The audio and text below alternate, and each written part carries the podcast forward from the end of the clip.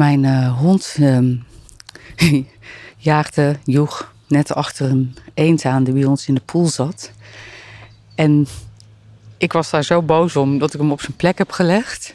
En daar is hij volgens mij zo van geschrokken dat hij daar nu nog steeds ligt. Ik heb al een paar rondjes hier gelopen. Oh, dus, ja, het is misschien een beetje zielig trouwens, maar hij ligt er wel relaxed bij. Maar volgens mij denkt hij gewoon, ik ga niet meer van deze plek afkomen.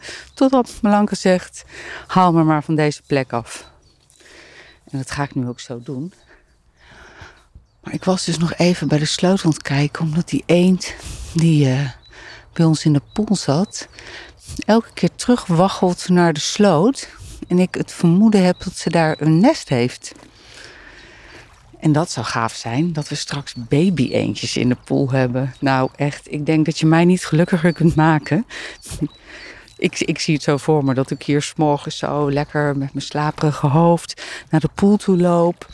En dan zo mijn ogen opsla en dat hij dan zo'n moeder eend met zo'n rijtje baby eendjes achter zich aan door de pool heen zwemt. Nou ja, weet je, er alleen al aan denken maakt me al gelukkig. Maar stel nou toch eens dat het ook in het echt gebeurt. Nou, dan, uh, dan doe ik uh, tien ronde dansjes. Niet te wild, want dan schrikken die beesten zich kapot.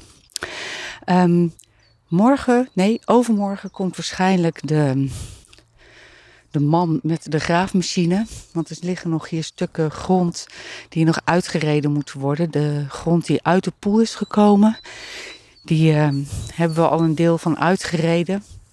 Maar het was toen zo nat dat die banden van die graafmachine en van de trekker zichzelf helemaal ingroeven in de grond. Dus er zitten nu hele erge diepe kuilen waar, waar ik dus ook de hele tijd overheen struikel, omdat het gras er overheen is gegroeid.